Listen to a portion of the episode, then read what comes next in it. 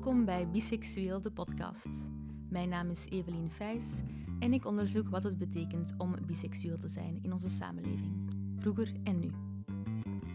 In deze aflevering praat ik met Tess over queer zijn in Turnhout, de combinatie van biseksueel en niet-fem zijn en de queerness van bouldering. Welkom dus, of welkom terug bij eindelijk een nieuwe aflevering. Sorry dat het zo lang geduurd heeft, maar de leven, je weet wel. Ik maak deze podcast ook alleen en ik heb helaas ook andere dingen te doen. Het goede nieuws is dat bij die andere dingen niet langer een thesis schrijven hoort, dus de afleveringen zouden iets frequenter moeten worden. Dus frequenter dan om de vijf maanden. Mijn doel is om naar één per maand te gaan. We zullen zien of het lukt. Ik doe mijn best. Ik heb ook nog een gunst te vragen. Als je vaker naar podcasts luistert, ben je al wel eens eerder gevraagd om een goede review achter te laten. Nu, voor mij is het luisteren zelf al meer dan genoeg, maar het algoritme, aka de heer en meester van onze levens, vindt die sterretjes heel erg belangrijk. Elke goede review geeft de podcast een duwtje omhoog. Dus als je graag naar deze podcast luistert en denkt dat meer mensen hem mogen ontdekken, gooi er een vijftal sterren tegenaan. Dat kan via Apple Podcasts of in de app van Spotify. Ik ben je alvast heel erg dankbaar. Voor we naar het gesprek met Tess gaan, wil ik eerst een stukje voorlezen uit een boek. Het gaat om By the Hidden Culture, History and Science of Bisexuality van Julia Shaw. Mensen die als biseksueel de pot volgen op Instagram hebben het misschien al zien passeren. Nu, ik volg de auteur niet volledig in alles wat ze schrijft, maar het is zeker een interessant boek. En ook een goede introductie tot biseksualiteit als maatschappelijk gegeven. Ik lees voor uit mijn vertaling van het vierde hoofdstuk: Onzichtbaarheid. Ik was in een lesbische bar in Londen toen ik pas echt besefte hoe heteroseksueel ik eruit zie. Ik was op date in de Friendly Society. Het is een eclectische plek. De trap brengt je van de bruisende straten van centrum Londen naar een ondergrondse cocktailbar. De muren zijn versierd met een allegaartje van behang. Honderden in verschillende maten uitgeklede Barbiepoppen plakken tegen het plafond. Kleine stoeltjes lijken op kabouters op wiens hoofden je neerzit. Honderden discoballen en andere merkwaardigheden zijn overal verspreid. Het is een kruising tussen een stijlvolle bar en een kinderkamer. Liedjes van de jaren tachtig spelen op de achtergrond terwijl mijn vriendin en ik praten en flirten en lachten.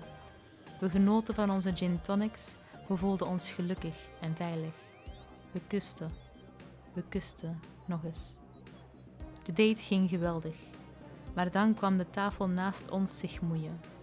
Twee vrouwen, vermoedelijk beide lesbisch, lachten, spottend. Uitgelokt nog uitgenodigd gaf een van hen een opmerking. I don't believe you. De kwade wil droop er vanaf. En helaas wisten we allebei precies wat ze bedoelde. We waren allebei erg vrouwelijk. We bleven beide onder de radar als queer, en dit was niet de eerste keer dat een van ons tweeën dit te horen kreeg. Voor hen zagen we eruit als twee heteroseksuelen die zich voordeden als lesbiennes. Toch bleef het ontmoedigend dat ik zelfs in een lesbische bar op date met een lesbienne, terwijl ik haar letterlijk aan het kussen was, er nog steeds niet in slaagde er queer uit te zien. Mijn date en ik waren ontdaan door de opmerking. En voor we ook maar konden reageren, deed een jonge, flamboyante man van een andere tafel het voor ons.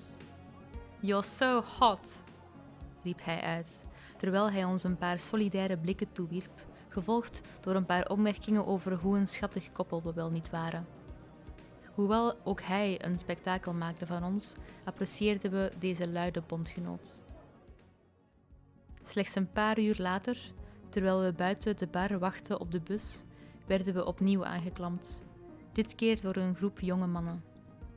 We bevonden ons niet langer in de relatieve veiligheid van de Friendly Society. Handen vasthouden of elkaar kussen was nu riskanter. Zelfs in Soho, het meest queere deel van Londen, vonden deze mannen het een uitnodiging om ons lastig te vallen, ons na te roepen, ons te molesteren met hun hongerige ogen. We konden voelen dat, net als de vrouwen in de bar, zij ons ook niet geloofden. Ook zij reageerden alsof onze relatie performatief was, voor hen, dat we niet echt lesbisch waren. Misschien hadden ze te veel porno gekeken, waarin elke kus naar de camera gericht is, voor de male gaze. Wat de reden ook was, twee mannen stalkten ons half Londen door, tot we bijna thuis waren. We moesten stoppen in een nachtwinkel in de buurt van mijn flat om van hen af te komen. Dit was een periode in mijn leven waarin ik er heteronormatief wilde uitzien, omdat ik bang was dat er bi-uitzien een probleem zou vormen voor mijn carrière als academica. Ik was het al zo gewoon om als jonge vrouw geseksualiseerd te worden. Ik vreesde dat het label biseksueel ervoor zou zorgen dat ik gehyperseksualiseerd zou worden en dat niemand me nog serieus zou nemen. En uiteraard was ik ook bezorgd om situaties zoals op die date. Maar tegen 2018 was er iets veranderd. Ik kwam publiekelijk uit de kast. Na mezelf een leven lang alleen te voelen, zonder queer gemeenschap, verlangde ik ernaar deel uit te maken van de queer wereld. Ik was openlijk bi op sociale media en in mijn schrijven. Ik realiseerde mij ook het belang van bi-zichtbaarheid in de academische wereld. De volgende stap, dacht ik, was om er eindelijk ook bi uit te zien. Of zoals de queer gemeenschap zou zeggen, ik wilde dat mensen mij zouden lezen als bi. Mensen lezen is lastig, maar erg belangrijk. Maar hoe ziet een biseksuele persoon eruit? Kan ik er biseksueel uitzien? Kan jij dat? Het lijkt erop dat niemand weet hoe biseksuelen eruit zien, maar dat houdt biseksuele mensen niet tegen om hun seksualiteit visueel te proberen uiten. In mijn eerste poging om zichtbaar te zijn, droeg ik gewoon een zware, zwarte leren jas. Ik voelde me meer queer, maar het maakte geen verschil in hoe anderen mij zagen. Dus probeerde ik het nog eens. Voor B 2.0 ging ik voor minder make-up dan normaal, platte zwarte laarsjes, gescheurde jeans, een zwarte v-neck t-shirt en een oversized jas met camouflageprint, met grote bloemen op de rug. Ik heb door de straten gestrut in plaats van te wandelen. Ik luisterde naar muziek van queer artiesten. En weet je wat? Het werkte. Het was veel gemakkelijker om met vrouwen te flirten en ook zo begrepen te worden. Ze vonden me niet langer gewoon vriendelijk. Ik werd nog steeds gezien als heteroseksueel door de meeste mensen, maar ik zag er net alternatief genoeg uit voor sommige mensen om te zien dat ik het misschien toch niet was. Zoals een lesbische vriendin het zei: I was channeling my big dyke energy. Het voelde een beetje als een kostuum dragen, maar tegelijk deed het me meer mij voelen dan alles wat ik daarvoor gedragen had. Het is vreemd hoe die gevoelens kunnen samengaan. Een participant in een onderzoek verwoordde het zo. Ik denk dat het belangrijkste wat mensen moeten begrijpen over biseksuele vrouwen is dat het niet enkel gaat over biseksueel in termen van wat je leuk vindt, maar ook biseksueel in termen van wie je bent.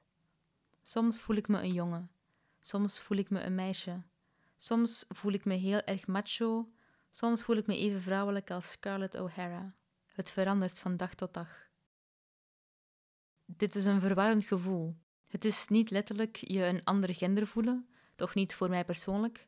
Het is eerder me een mix voelen van wat de maatschappij mannelijke en vrouwelijke eigenschappen noemt. Mijn seksuele aantrekking en mijn genderexpressie werken beide op deze manier, met schommelende genegenheid en niet noodzakelijk aan elkaar gelinkt. Sommige dagen kijken mijn ogen enkel naar andere vrouwelijke mensen, alsof onze vrouwelijke zachtheid gecombineerd zou kunnen worden en het meest krachtige ding in het universum wordt. Andere dagen voel ik de nood om me mannelijk te kleden. En ook al heb ik een relatie met een man, voelt het niet als homoseksualiteit. Nog andere dagen, wanneer ik tegen mijn partner aanleg, heb ik een mentaal beeld van ons als een stereotyp heteronormatief koppel uit een romantische komedie. Onderzoeker Rosie Nelson bevond dan ook dat biseksuele mensen gender en seksualiteit als verbonden zien en dat velen verwijzen naar de manier waarop ze outfits en impressies transformeren door ze vrouwelijker of mannelijker te maken. Dit is precies wat ik doe wanneer ik speel met mijn look. Het kan moeilijk zijn om de complexiteit van wat ik voel te vertalen in iets wat anderen kunnen zien.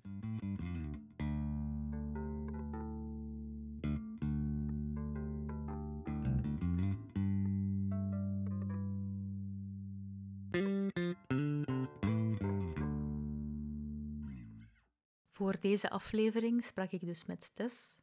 Wij kennen elkaar van vroeger, van de Kempen, waar we allebei opgegroeid zijn. We hadden een erg fijn gesprek over opgroeien als queer in die omgeving, over de tussenins van gender en seksualiteit en de nood aan meer gesprekken. Mijn eerste vraag is de vraag die ik eigenlijk aan iedereen stel die hier langskomt. Het zijn eigenlijk twee vragen. Ehm, hoe identificeer je je en hoe ben je daar aangekomen? Oké, ehm, dat is al meteen een uitgebreid antwoord in mijn geval. Uh, ik identificeer mij als een uh, panseksuele persoon die ook genderfluide slash non-binair qua, qua genderidentiteit dan uh, is. En dat is eigenlijk heel recent nog maar dat ik... Allee, het panseksuele gaat al een tijdje mee. Daarvoor was dat biseksueel. Uh, dat is dan naar pan geëvolueerd de laatste, in het laatste jaar, denk ik. En dan de hele non-binaire identiteit is echt brand new. Dus dat is ook wel heel spannend en exciting en beangstigend. En dus het genderdeel kwam eigenlijk is, is recenter dan het. Ja, ja, absoluut. En is dat in, in jouw ervaring iets wat een beetje samenhangt misschien? Want ik heb al wel gehoord van mensen die, zo omdat ze dan bi of pan zijn, en dat dan gender zo in, in aantrekking niet zo heel veel uitmaakt misschien, en dat dat dan daarom zo ook... Klopt, voor mij hangt dat wel heel erg samen. Ehm, omdat dat iets is, inderdaad, als ik op iemand val, voor iemand val, is gender het laatste waar ik naar kijk als ik er al naar kijk. Um, ik heb er wel al over nagedacht op de manier van, ik vind het heel aantrekkelijk wanneer mensen zodanig comfortabel zijn met zichzelf en hun identiteit, dat ze dat ook kunnen uitdrukken op eender welke manier. Um, waardoor ik me wel meer aangetrokken voel tot mensen die, die daar het conventionele durven uitdagen, als dat ook effectief is wie ze zijn, natuurlijk. Ehm, maar eigenlijk kijk ik daar zelf niet naar. En is dat voor mij ook wel een beetje een rode draad in mijn eigen identiteit. Van de moment dat ik kon praten, is er aan mij gevraagd: wat zijt jij? Zijt jij jongen? Zijt jij meisje? En waarom? Mm. waarom zijt jij zo? Waarom zit je zo raar? Uh, waarom kan ik u niet plaatsen? Uh, dus ik heb eigenlijk altijd al heel veel verwarring veroorzaakt en ik heb daar nooit veel bij stilgestaan. Wel een lichte fase gehad toen ik 12 was tot 14, 15, waarin ik echt heel erg geprobeerd heb om een vrouw te worden. Um, om aan al die verwachtingen te gaan voldoen. Maar dat is uh, al heel snel duidelijk geworden dat dat niet is wie ik ben. Uh, en voor de rest ben ik eigenlijk altijd best wel fluide geweest, best wel uh, ja, niet conformerend aan de binaire oppositie. Mm -hmm.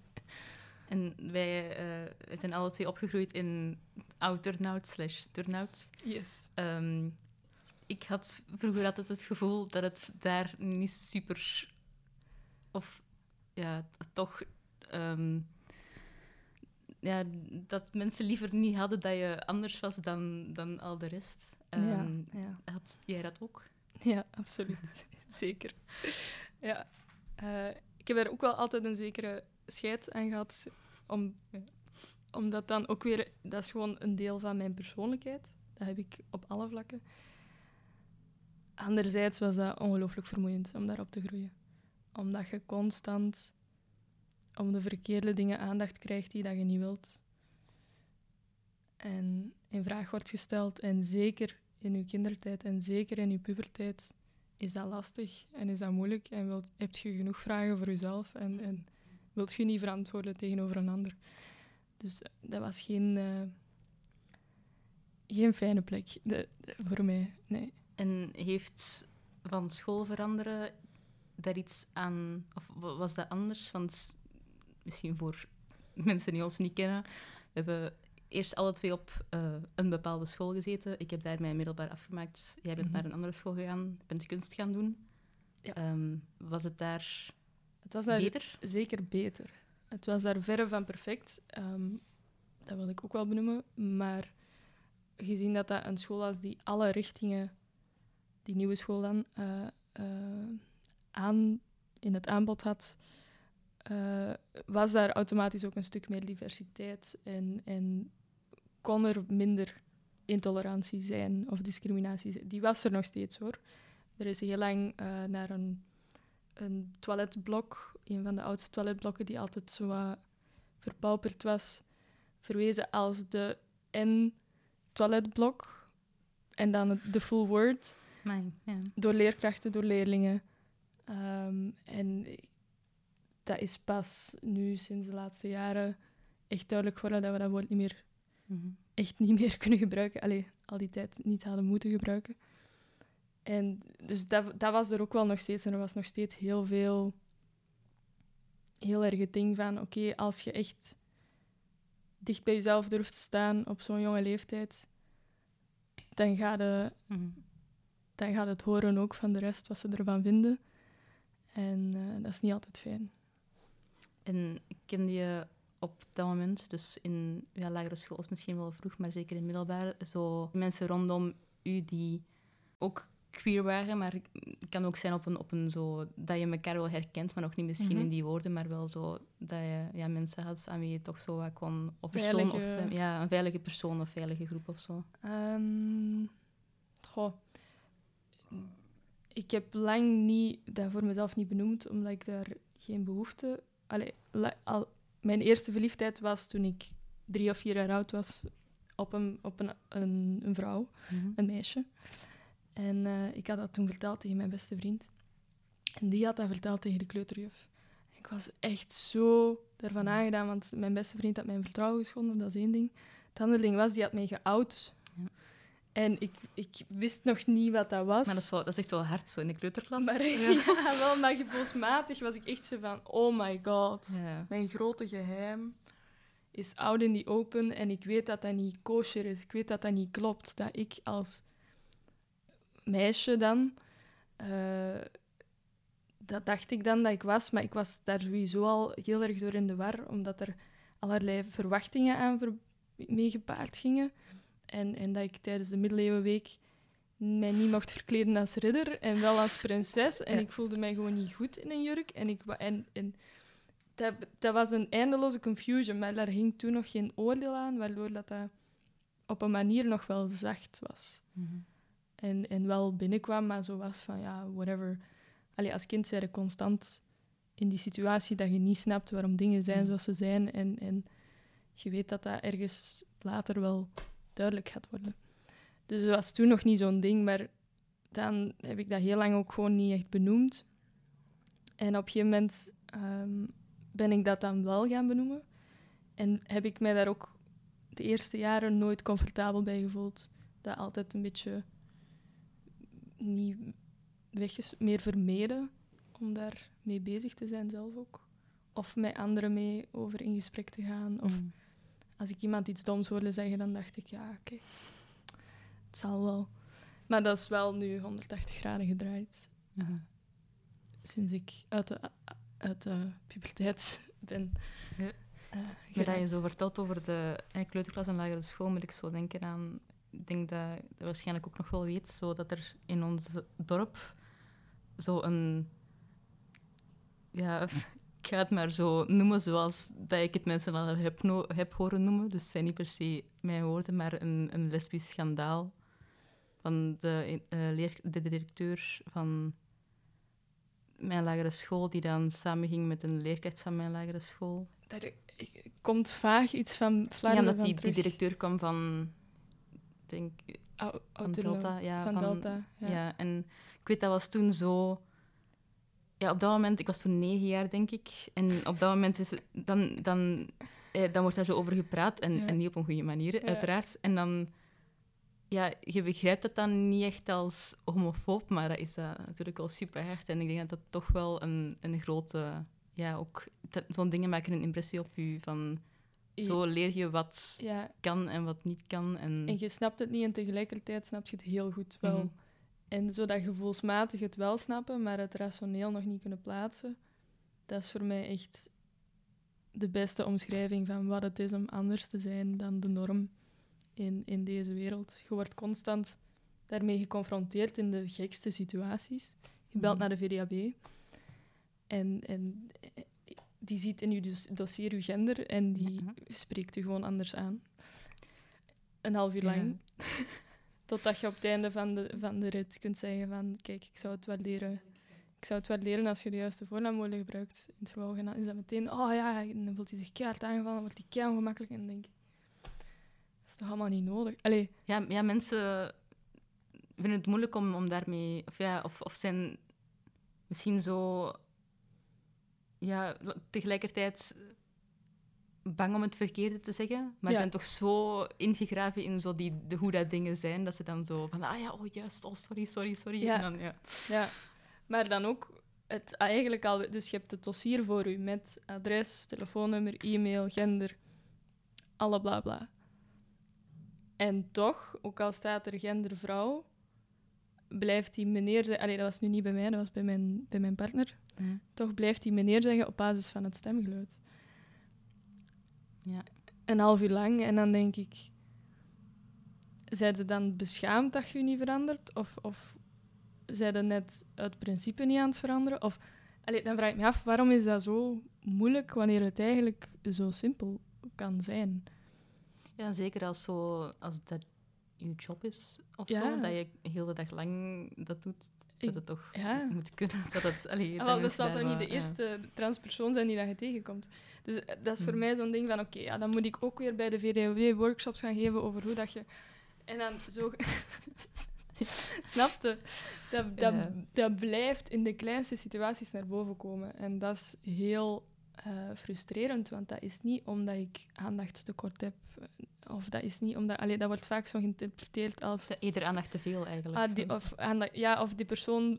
Ik vind zelf aandacht te veel. Andere personen hebben zoiets van... Stop met je aan te stellen, stop met aandacht vragen voor iets dat eigenlijk niet belangrijk is. En Hmm. let's move on. Dat is de boodschap die ik continu krijg als ik mij opwind over zulke dingen. En dan denk ik ook van ja, het heeft ook geen zin om mij daar heel druk in te maken, want het is wat het is en ik kan mijn...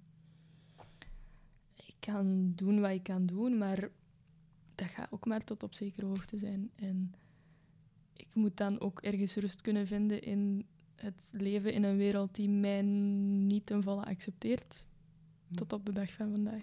Ja, ik denk het is zo, het is zo, het lijkt misschien klein, maar het is wel ook een deel van een groter probleem. En Ja. daarom is het ook, enfin, het is niet omdat dat er misschien een groter probleem is dat die misschien tussen aanhalingstekens kleinere dingen die wel dingen zijn waar je constant mee geconfronteerd wordt en dat is zo de uiting van hoe mensen eigenlijk denken Ja. en het grotere probleem Ja. blijft wel relevant denk ik en ook Ja.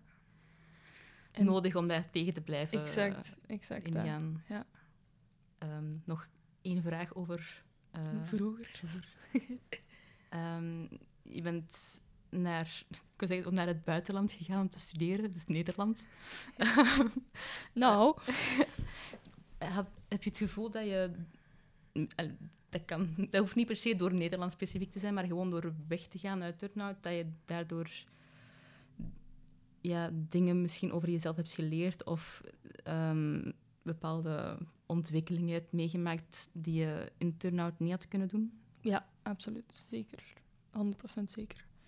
Eh, sowieso was daar een bepaalde vrijheid eh, die komt voor iedereen die op kot gaat en voor het eerst op zichzelf woont. Eh, dat je echt weet van, oké, ik kan vandaag aandoen wat ik wil en mijn ouders gaan daar geen commentaar op hebben, want ze zijn er niet. Ja. Ik kan vandaag thuiskomen met wie dat ik wil. Er gaat geen commentaar komen, want er is, of je huisgenoten, maar dat zijn mensen van dezelfde, die in hetzelfde schuitje zitten. Dat zal wel meevallen. Ja, ik kan Ah. op date gaan en ik moet niet liegen over Waar ik naartoe dat, ga, ja. of je kunt die gewoon mee naar huis pakken als het buiten niet leuk is. Wauw. Of allee, gewoon de, de vrijheid en de deuren die opengaan, dat is ineens... Allee, heel veel. Ik wou er een woord op plakken, maar... gewoon echt heel veel in één keer. En, en ook op dat vlak heb ik gemerkt dat ik ehm, vrienden gemaakt heb, mensen ben tegengekomen in de uitgaansscene, op plekken kwam, met mensen sprak, dat er echt keer op keer een hele nieuwe wereld voor mij opging. En, en dat was verwarrend en spannend en leuk, voornamelijk. Eh, Het was ook een hele linkse stad waar ik zat, Nijmegen. Dus heel Mhm. progressief, heel eh, tolerant. Wel niet super divers in... Allee, uiteindelijk zie je daar nog steeds gewoon voornamelijk cisgender, witte, hoogopgeleide mensen rondlopen. Mhm. Ehm, maar het zijn op zijn minst wel mensen waarmee je kunt babbelen en mensen die durven met een open blik kijken en durven beïnvloed worden. Die niet meteen vanuit een ego reageren of niet meteen vanuit een angst reageren, maar Mhm. echt oprecht willen leren en, en het beste voor hebben. Dat hebben de meeste mensen wel trouwens, denk ik. Maar ehm, mensen die zich bewust zijn van een privilege, lang verhaal kort. Ja.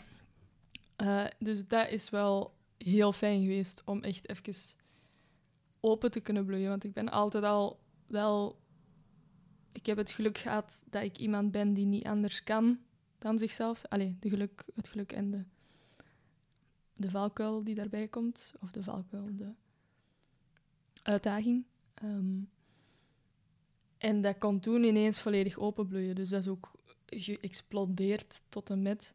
Dat is ook waarom mijn, mijn genderidentiteit en mijn seksualiteit voor mij heel nauw verbonden zijn met wie ik ben.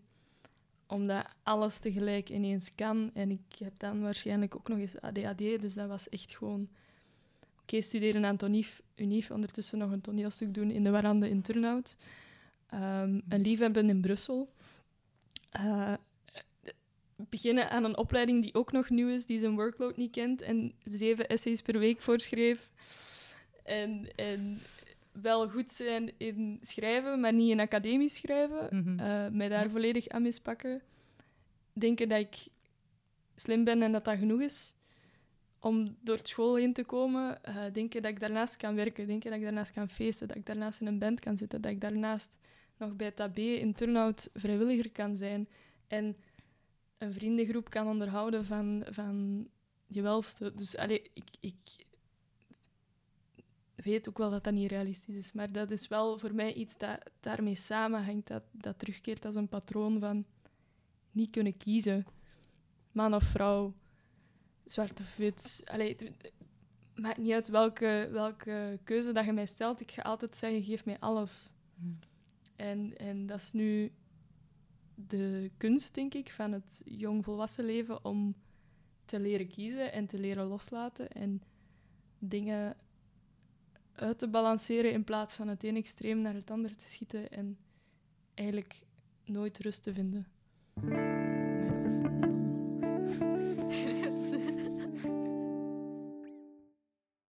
Wij hebben elkaar ontmoet op de kunstbende. Ja. Rest in peace, kunstbende.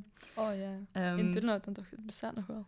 Ja, ze hebben zo of een nieuwe, ja, zo met mix, een nieuw Ja. project. Of enkel in Nederland bestaat het nog onder die Ah, naam. Ik weet het niet. Maar het bestaat nog ergens. De kunstbende leeft voort. Ehm, op eh, de kunstbende weekend. Of misschien vroeger, ik weet het eigenlijk niet precies. Misschien, want ik wist op zich wel... Jij werd ook mee op weekend? Ja, Of ook mee op die week? Dat was in Antwerpen. Of niet? nee, in, in, in Kortrijk. Ah, in Kortrijk was dat. Ja. Ja. Wel ja, ik haal het door elkaar, want we hebben twee keer zoiets gewonnen en dan... En eh, dan mocht je zo naar de... en word je zo ergens naartoe Ehm. gestuurd. Allee, gestuurd. moet je daar een of ander kamp. Nee, eh, het was wel echt heel leuk altijd. Maar in de warande, in de voorronde was volgens mij de eerste keer dat ik je ontmoet Ik kan wel. Ik weet het eigenlijk niet meer goed. Maar ik weet wel, want dat we zo... Of de eerste keer dat we toch gesprekken voerden was toen op dat weekend. Ja. Ehm, en ik weet niet of dat jij dat toen gemerkt hebt, maar ik was nogal geïntimideerd door u. Oei. Nee, niet, op een, of, misschien- niet op een negatieve Oké, manier. oké, gelukkig. Maar zo, omdat jij een, zo, in de eerste plaats een van de eerste, voor mij toch zichtbaar queere personen was die ik Mhm. persoonlijk leren kennen. En ook omdat wij je toen als bi identi- identificeerden en ik ook. En dat jij ook niet fem was. Ja. Ehm, en ik... enfin, voor- de duidelijkheid, ik denk niet dat ik butch ben en ik ben ook minder, denk ik... ehm, of, of meer quote-unquote vrouwelijk dan vroeger. Toch zeker toen ik zo van die leeftijd was. Maar Mhm. enfin, ik had het op dat moment nog altijd heel moeilijk met zo dat dominante beeld van hoe dat een biseksuele vrouw eruit ziet. Wat dat heel Ja. zo genderconformerend is. Ja. En ik was zo niet. En jij ook Ja. niet. Yay. dus ik, ik had van... Oh, nog iemand of zo? ja, ja, want dat niet. herken ik wel. Dat je zo iemand tegenkomt en dat je denkt van... Oh, die snapt mij. Maar je hebt zo eigenlijk nog geen woorden gewisseld, maar eigenlijk kende elkaar al op een manier. Mhm. Dat is wel grappig hoe dat, dat gaat. Dus ik wou vragen ook of dat zo... Ik weet niet, voor u het... het bi of nu pan zijn en dan het gender non-conforming ding, dat, dat, dat, hoewel het nu allemaal ja, juist zo logisch samenhangt of zo, dat het dan Mhm. vroeger het verwarrender maakt of dat je zo het gevoel had van dat je dan nog altijd niet echt... Want ik, ik, ik had heel erg het, het, zo, het idee van ik moet iets zijn. Ik wou Mhm. toen zo ergens zo, zo een Duidelijkheid. weten wat ik was. Ja. En toen vond ik het woord bi en dat had het wel, maar langs de andere kant dacht ik ook van... Was alles wat daar rondging zo vreemd voor mij, dat, ik, dat, ik het, zo, dat het toch niet echt als Ja. mijn woord voelde of Ja. zo. En nu wel?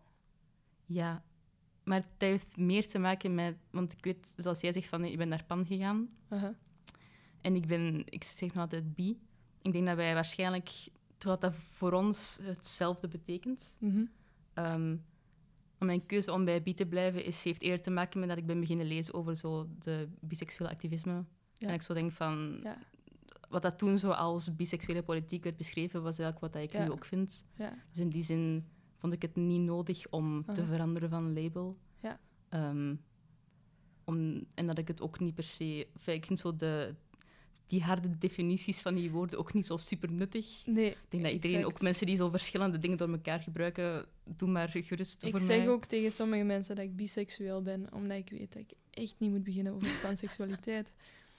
dat is gewoon een beetje aanvoelen en het allemaal niet te serieus nemen, ook niet, denk ik. Allee, eh, in, in het opzicht van de terminologie is er om u te helpen en zodra het u tegenzit, kun je ermee spelen, denk Mhm. ik. Ehm, het is misschien een heel persoonlijke vraag, maar als je zo zegt van hey, gender ehm, doet er voor mij niet zo toe, Mhm. of dat je ooit zo cisgender hetero mensen ja, date. Date of, of seksueel contact? Of alles? Kies maar. Eh, seksueel contact, ja. Ehm allee, dat heb ik toch altijd wel gewoon gedaan. Eh, nu denk ik niet dat dat nog gemakkelijk zou voorkomen, maar ik sluit het zeker niet uit.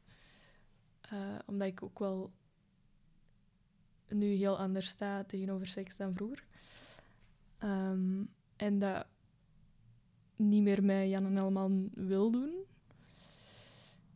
En op relationeel vlak is, is het eigenlijk voor mij hetzelfde ondertussen, omdat ik... ehm, ik voel mij heel gemakkelijk fysiek aangetrokken tot mensen, maar ik voel mij allesbehalve makkelijk eh, mentaal aangetrokken tot mensen. Of ik knap heel snel af op mensen en... en Mhm. eh, ik kan dan wel verliefd worden, maar dat kan ook echt dezelfde dag terug overgaan als die persoon iets doet of zegt dat ik echt denk van, oh my god. Ja, had ik even verkeerd ingeschat. Wil je een voorbeeld geven of is dat... eh, ik ben wel benieuwd. Goh, ik ben ooit een keer, eh, ik zat, dat was toen ik naar Nijmegen ging verhuizen, was ik zo in een Facebookgroep terechtgekomen van internationals die gingen studeren Mhm. in Nijmegen. En dan zo, om, om al mensen te hebben daar, was zo'n beetje zo van, ik wil niet alleen zijn, dus ik zoek soortgenoten.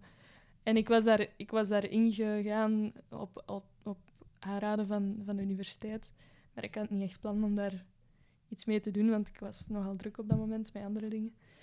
Maar dan had er dus iemand uit die groep mij gecontacteerd eh, en persoonlijk uitgenodigd voor een event. En ik kon daar toen om de een of andere reden niet naartoe.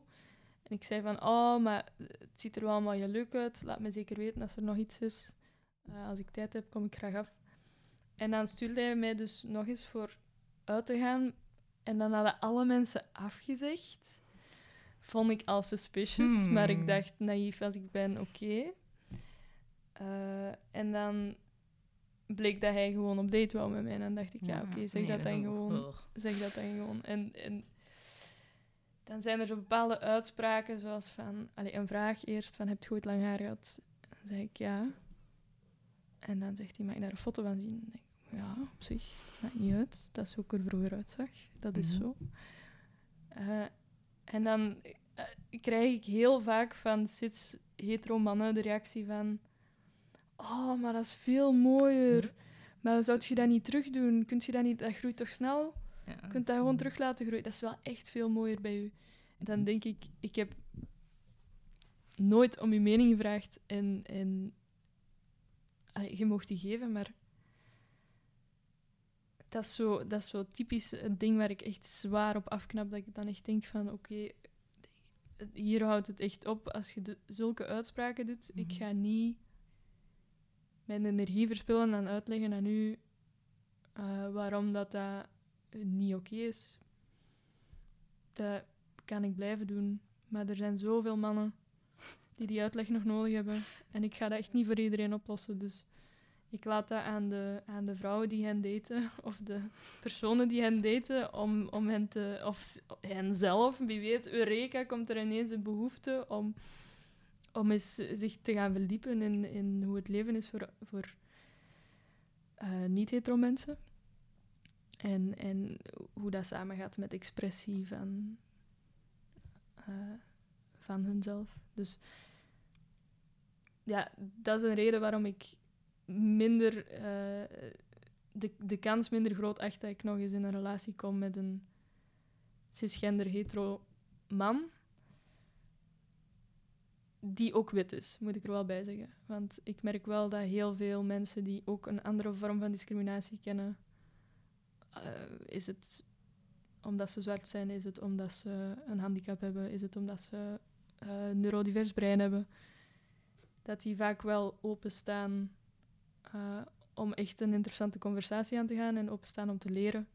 En, en een bepaalde vorm van empathie kunnen opbrengen die anderen die conformeren tot en met, waar niks mis mee is trouwens, maar eh, waar ik heel veel weerstand merk en heel veel angst en heel veel eh, dat opspeelt omdat ze zich bedreigd voelen. En dan denk ik, dat is echt uw probleem, dat jij je bedreigd voelt. Dat is niet mijn probleem. Als ik, zolang ik u niet sta te bedreigen, hoeft jij je niet bedreigd te voelen. Dus, en dan ga ik dat ook niet oplossen voor u. Dus daar zit heel veel... Dat komt nu... kwam vandaag even heel dichtbij, omdat mijn eh, broertje eh, vandaag bepaalde uitspraken heeft gedaan. Ik begon een conversatie over... Was er eigenlijk ooit ehm, educatie over queer onderwerpen of iets? Of, of hoe was uw seksuele educatie? En, en was er, wat kwam er aan bod? En dat, hij, zat op een, hij is afgestudeerd op een uh, Steinerschool dit jaar nog. Dus ik dacht, ik hoopte Mhm. Dat het daar beter zou zijn. dat het daar beter zou zijn. En ik, ik- wat ik aan, aan hem hoorde, was het dus echt even miserabel als mijn educatie geweest was. Dus dat is niet alleen erg dat dat in al die jaren nog niet veranderd is. Ook dat dat op een Steinerschool blijkbaar eh, geen, niet wordt gezien als een belangrijk deel van de ontwikkeling. En toen zijn we in een discussie beland over voornaamwoorden. Terwijl ik net op het punt ben dat ik eigenlijk wil vragen aan mijn familie om mij niet meer met zij haar aan te spreken. En dat is volledig geëscaleerd. En, Mm. en hij heeft bepaalde dingen ge- gezegd die mij heel erg kwetsen. En, en een heel kortzichtige blik op veel manieren. En dan denk ik echt van, oké, dat, dat is dan mijn broertje. Dat is dan, dat is dan mijn familie. En, en die zegt vlak af dat dat mijn probleem is. En dat hij zijn tijd niet wil steken in, in daar meer over te weten te komen. Om dan op een respectvolle manier... Dat boeit hem niet. Mhm. En dan denk ik, oké, dat ook 18 jaar, nog zwaar aan het puberen. Ik weet ook meer waardoor ik het wel kan plaatsen, maar anderzijds is dat ook eh, iets dat ik op mezelf trek soms van, ja, maar ik was er al die jaren heel weinig, omdat net die sfeer daar hing in huis, dat ik daar niet mezelf mocht zijn. Uh, ook om andere redenen. En, en kijk, nu ben ik weggegaan, nu ben ik weggevlucht en kijk nu, ik heb mijn taak weer niet gedaan, ik heb mijn verantwoordelijkheid weer niet volbracht, terwijl ik heel goed weet dat dat niet aan mij is. Ja, ik wil zeggen, dat is wel een heel groot uh, dat is wel, ja, oplegt. Ja, ja, ja, ik weet dat dat onrealistisch is, dat het nergens op slaat en toch voelt dat zo. En dan denk ik, eh, dat is zo spijtig dat, dat Hmm. dit mijn ervaring is van thuis. En de grotendeels omdat ik ben wie ik ben op, op genderidentiteit en op seksualiteit. Maar ik vind het op zich wel moedig. Moedig is een beetje een kutwoord, hè, maar gewoon, moedig omdat je het op zich wel probeert.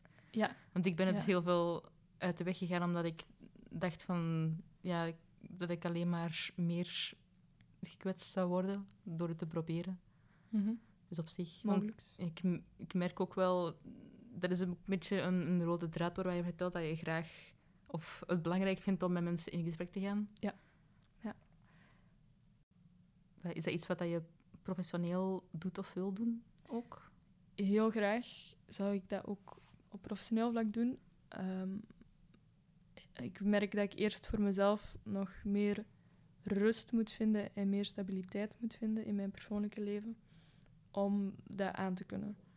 Want ik ben momenteel heel instabiel in mijn woonsituatie, net in een nieuwe relatie, net gestopt met mijn job.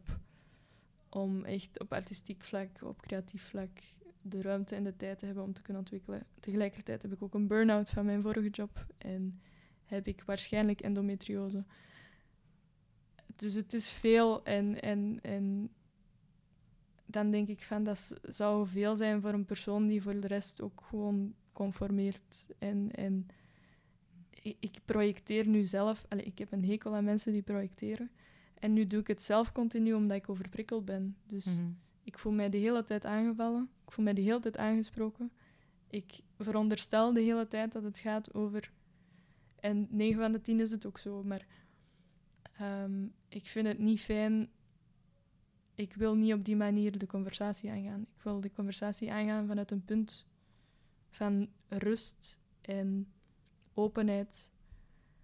En ik wil oprecht luisteren naar de bezorgdheden die er aan de andere kant zijn. Want ik geloof, ik geloof niet in vechten. Ik geloof in heel veel, maar ik geloof niet dat je ooit iets kunt bereiken met het gevecht aan te gaan.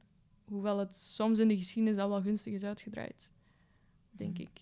Eh, om, omdat het soms een desperate nodig signaal is om aan te geven van hé, hey, luister. Maar het hoeft niet meer tot dat punt te komen. We zijn aan het ruimtereizen. Mhm. Ik bedoel, de eerste man was op de maan in 1996. 69. 69. Dyscalculie. Eh 1969. Dus. En, en, en we zijn tot op de dag van vandaag er nog niet in geslaagd om mensen in hun diversiteit, om de diversiteit op deze aardbol te, niet eens te waarderen, gewoon te accepteren. Mhm. De bare fucking minimum. Sorry, de bare F minimum. En dan denk ik echt, wat gaat het toch in de ruimte zoeken? Ja. Dus ja, daar, er is echt nog veel werk en dat is echt niet allemaal aan mij, maar ik zou er wel heel veel voldoening uit halen om dat op professioneel vlak ook te doen, zodat ik wel echt een impact kan maken. Eh, zodat ik die kans kan krijgen om dat te doen, dat zou ik super, super fijn vinden. Maar dat is een uitdaging die ik momenteel nog even laat voor wat het is, eh, totdat ik zelf sterk genoeg in mijn schoenen sta om, om dat ook echt aan te gaan.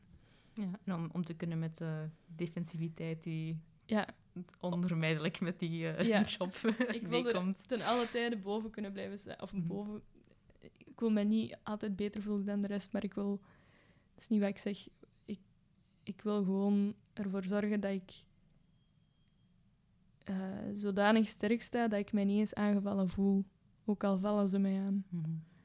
En dat is lastig als je het hebt over een identiteitspolitiek, want je voelt je heel snel aangesproken zodra het gaat over je identiteit of de identiteit van de persoon die dat je het liefste ziet op heel de wereld. Dan wordt die pijn ineens nog tien keer zo groot. Ja, en het, gaat ook niet, het is niet enkel identiteit als in iets zo individueel psychologisch, maar dat is ook gewoon de realiteit van een hele leven. groep van de bevolking. Allee, dat is ook een, een, dat is ook wat mij zo stoort, is als het allemaal alleen maar tegen mij was, oké. Ja. maar het, is, het gaat veel, veel verder dan dat. En het is al zo lang bezig. En er zijn zoveel dingen die gewoon geweten zijn. Dat was voor mij een openbaring tijdens het... Een, een jammere openbaring tijdens het studeren aan de universiteit. Toen ik al dat academisch werk begon te lezen, van Judith Butler tot Arendt, tot allee, gewoon alles van die, van, die, van die filosofen, van die academici die al jaar en dag bezig zijn ja. met specifieke onderwerpen. En dan beseffen dat er gewoon geen drol veranderd is in essentie, dat is deprimerend. En ik hoop echt dat het ons lukt om daarboven te stijgen. Op alle vlakken.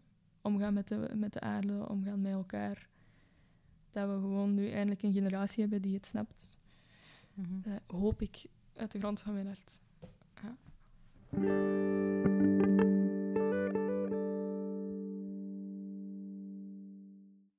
Iets heel anders, maar ook een heel belangrijke vraag.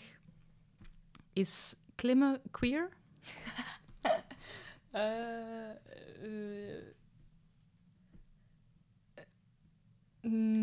nee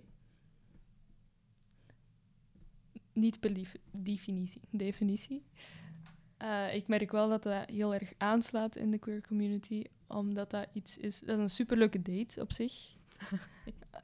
uh, dus eh, aan iedereen die graag wil daten en iets leuks wil doen, ga vooral een keer boulderen of klimmen. Super grappig, ook al bakt je er niks van. Um, en het is over het algemeen een hele safe space, heb ik al gemerkt. In klimzalen um, werd ik niet eens twee keer aangekeken. Mhm. Dus dat is super fijn om gewoon ergens naar binnen te lopen en niet even all eyes on me te hebben. Alleen zo gewoon gezien worden als een andere klimmer. That's it. Period. Uh, dus ik denk dat de, de mensen die klimmen, eh, of op regelmatige basis klimmen, wel een bepaalde mentaliteit hebben van zowel de fysieke als de mentale uitdagingen zoeken en daardoor op een manier ook meer openstaan voor diversiteit of mensen die uh, een andere levensstijl hebben of een andere idee hebben, andere ideeën hebben. Um, dus gelukkig tot op heden is dat een van de weinige plekken waar ik mij nooit bedreigd heb gevoeld, nooit in vraag ben gesteld. Uh, en het altijd gewoon even ging over ik die ga klimmen en anderen die daar gaan klimmen. Allee, gewoon heel basic, gewoon echt wat het is. Gewoon normaal. En niet heel de ruiten met teut erachter. En al de vragen en al de opmerkingen en al de blikken. Mhm. Dus is klimmen queer? Niet per se, maar wel een We gaan het veroveren. we gaan het, queering um, bouldering. Ja, we, we, gaan de, we gaan de boulders uh, in, de, in de regenboogkleuren maken. En, uh, stilletjes aan ons gebied, ons beloofde land. oh nee, dan weer zo'n hele oorlog. Beklimmen. Beklimmen, ja, we komen er wel. Gewoon blijven klimmen. Wel een mooie metafoor. Het laatste wat ik nog van jou wil weten is... Wie is jouw biseksueel icoon of bicoon? Een, persoon, een plaats, een ding dat voor jou... Of, ja, pan, pankoon is iets minder catchy, maar ook... Iets minder, maar bicoon is fijn. Ja. Um, ja, voor jou in jouw journey. Ik, ik, dat, ik moet stoppen met dat woord zo sarcastisch te gebruiken, maar ik vind het wel in tegelijkertijd grappig en ook wel uh, ook een correct woord. Dus voor jou gender, seksualiteit, identiteit um, belangrijk of steunend of gewoon een veilige haven is geweest? Wel, ik was net in de auto nog aan het denken. Um, dat er eigenlijk maar één iemand. Ik heb toen ook meteen besloten dat dat die persoon is voor mij. Dat er eigenlijk maar één iemand is in de media eh, waardoor ik mij gerepresenteerd voel. Ehm, omdat dat op alle vlakken klopt, qua persoonlijkheid, qua genderidentiteit, qua seksualiteit, qua hoe, hoe zij in het leven staan, ehm, klopt dat. Dus dat is de enige echte icon voor mij die, die klopt met wie ik ben en waar ik echt naar opkijk en waar ik echt heel, heel veel steun, veel meer dan ik eigenlijk door had, uithaal. Uh, omdat dat voor sommigen elke dag overal is en, en ik niet eens wist dat ik het miste of zo. Uh, op een gegeven moment was dat ook te confronterend en heb ik die ontvolgd. Hmm. Omdat ik toen met mezelf in de knoop zat. Dus dat is ook wel interessant. Dat is in, in retrospect ineens heel duidelijk waarom dat mij zo getriggerd heeft destijds. Uh, en dat is... Trommelgroffel. Madison Page. Uh, ja. Ik weet niet of je bekend bent met het, het account, het profiel. Ja, ik weet... Ik kan niet mij voorstellen. Ja, dus dat is iemand die uh, ook non-binair is, genderfluide, ik weet het niet eens exact, uh, maar zich ook zo presenteert. Dus een heel androgyne look, uh, heel erg scheid aan alle gendernormen, heel erg ook in uiterste gezeten, om dan toch proberen balanceren en echt zoeken naar, oké, wie ben ik, wat, wat is dicht bij mij? En dat is een eeuwig proces, dat is een eeuwige zoektocht voor iedereen.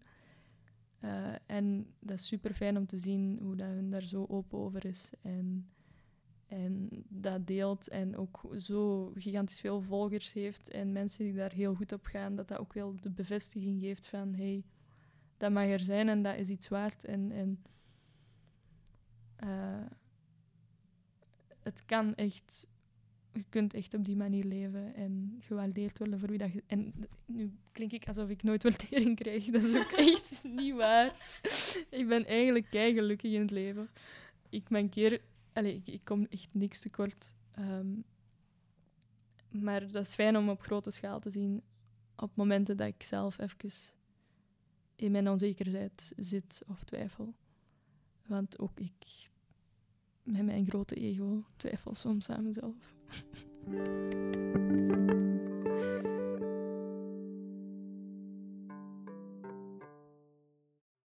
Om af te sluiten wil ik nog eens tot vervelens toevragen om een review achter te laten. Laat alsjeblieft mijn Engelse accent je beoordeling niet beïnvloeden. Ik beloof dat ik het nooit meer zal doen. Dit was Biseksueel de podcast. Voor goede B-vibes kan je je abonneren of een review achterlaten. Je kan deze podcast ook volgen als Biseksueel de Pot, met een D uiteraard, op Instagram en Twitter. Dank voor het luisteren. Tot de volgende.